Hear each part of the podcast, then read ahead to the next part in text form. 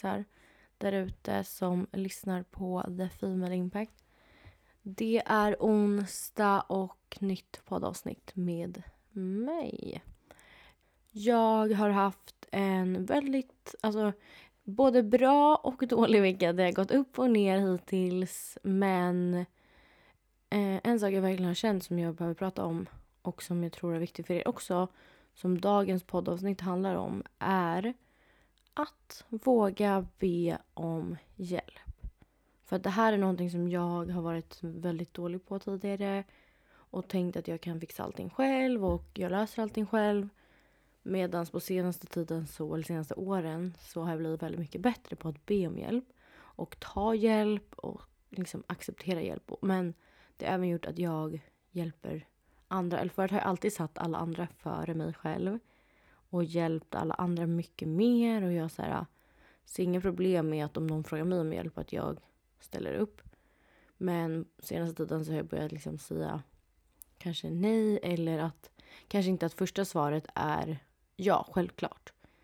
Eh, utan att självklart hjälper man om man verkligen kan. Men jag vet att ofta så säger jag ja snabbt. Utan man kanske säger så här, ja jag ska kolla och så kollar man i sin kalender och sen kan man känna efter. Det är mitt första tips. Men vi ska prata lite liksom både att liksom be om hjälp av nära och kära men också att be, liksom inte be, men ja, ta hjälp av till exempel psykolog eller sådär. Så jag tänker att vi börjar med att be om hjälp av sina vänner.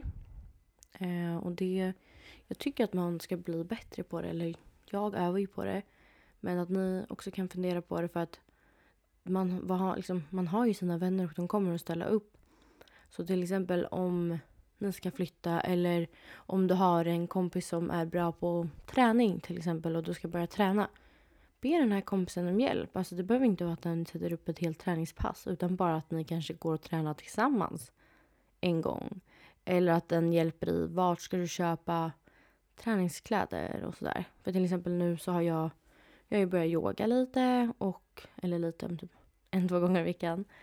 Och då har jag frågat en tjejkompis som jag vet som går mycket på yoga vart hon har köpt sin yogamatta och sådär.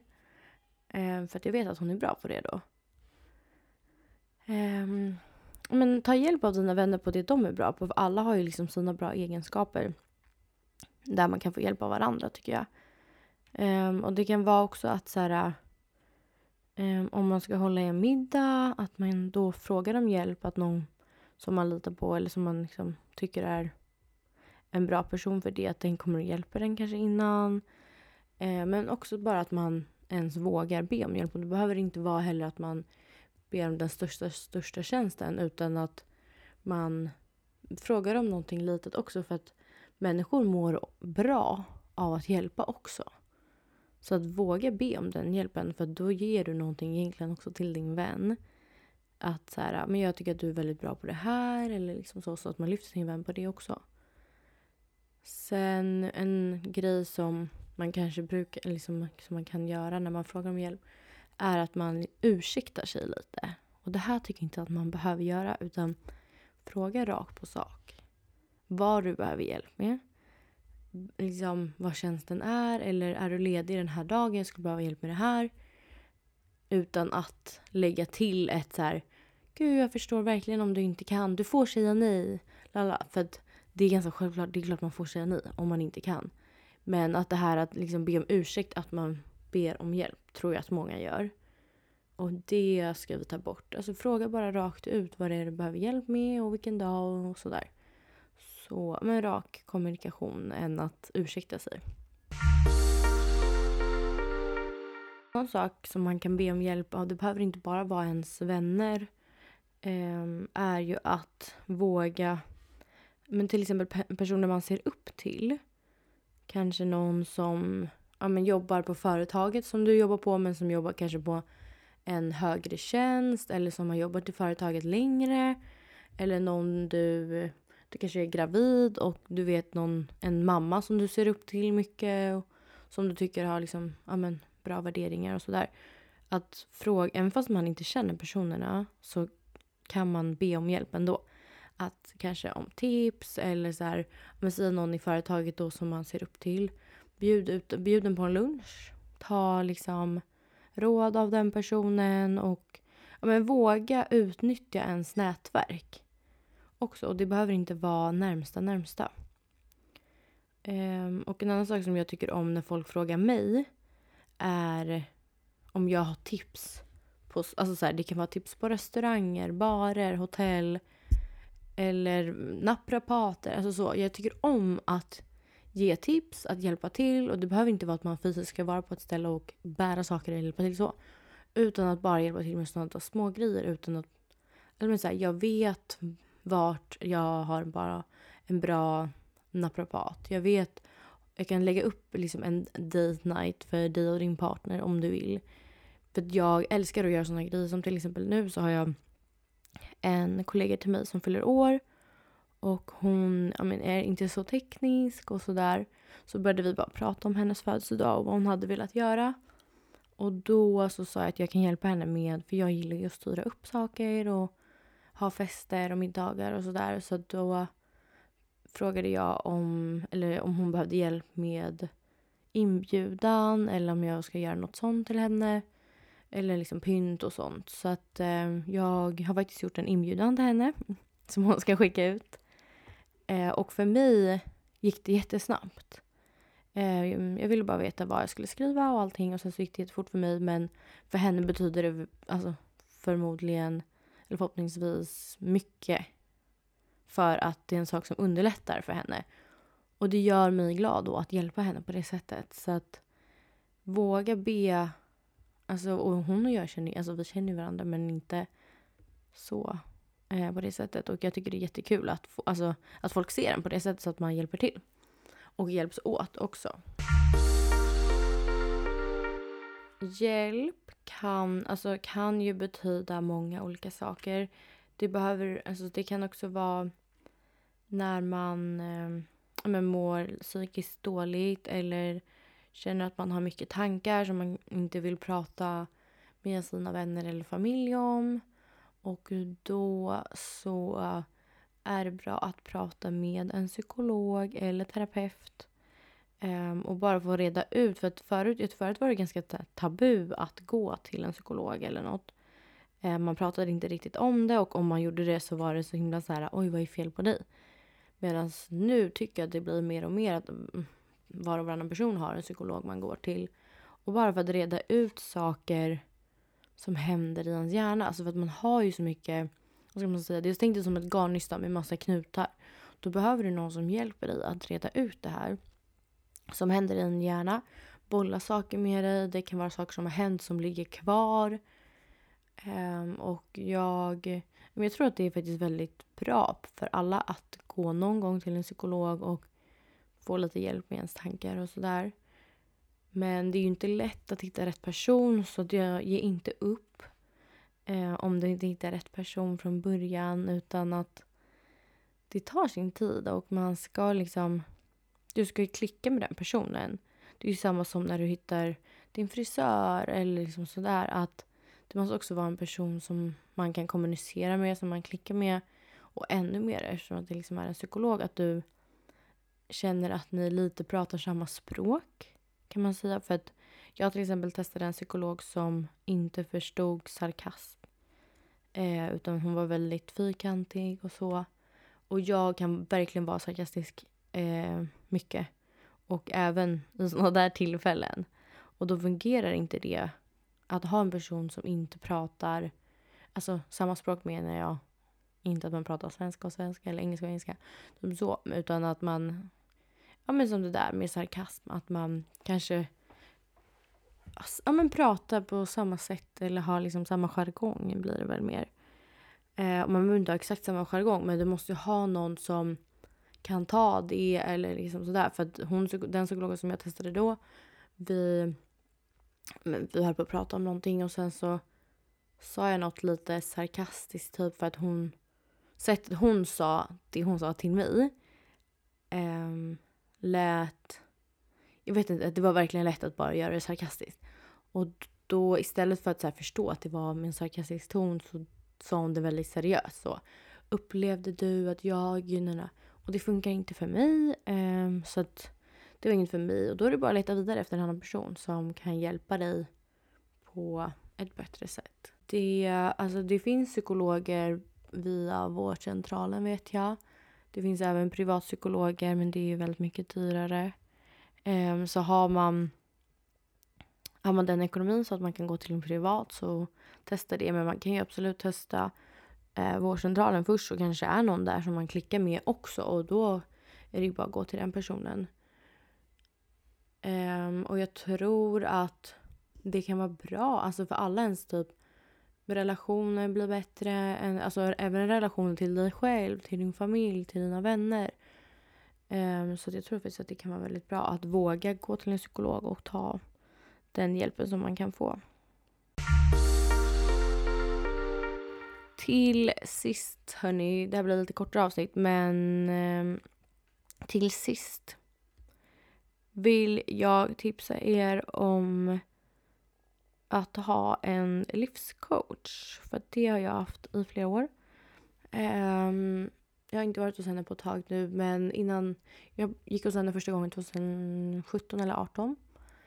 Där det är en helt annan grej än att gå till en psykolog. För jag tycker oftast att en psykolog eh, så tar man tag i saker som är, ja, men man liksom reflekterar bakåt, vad som har hänt och så. Men med en livscoach så ser man mer framåt.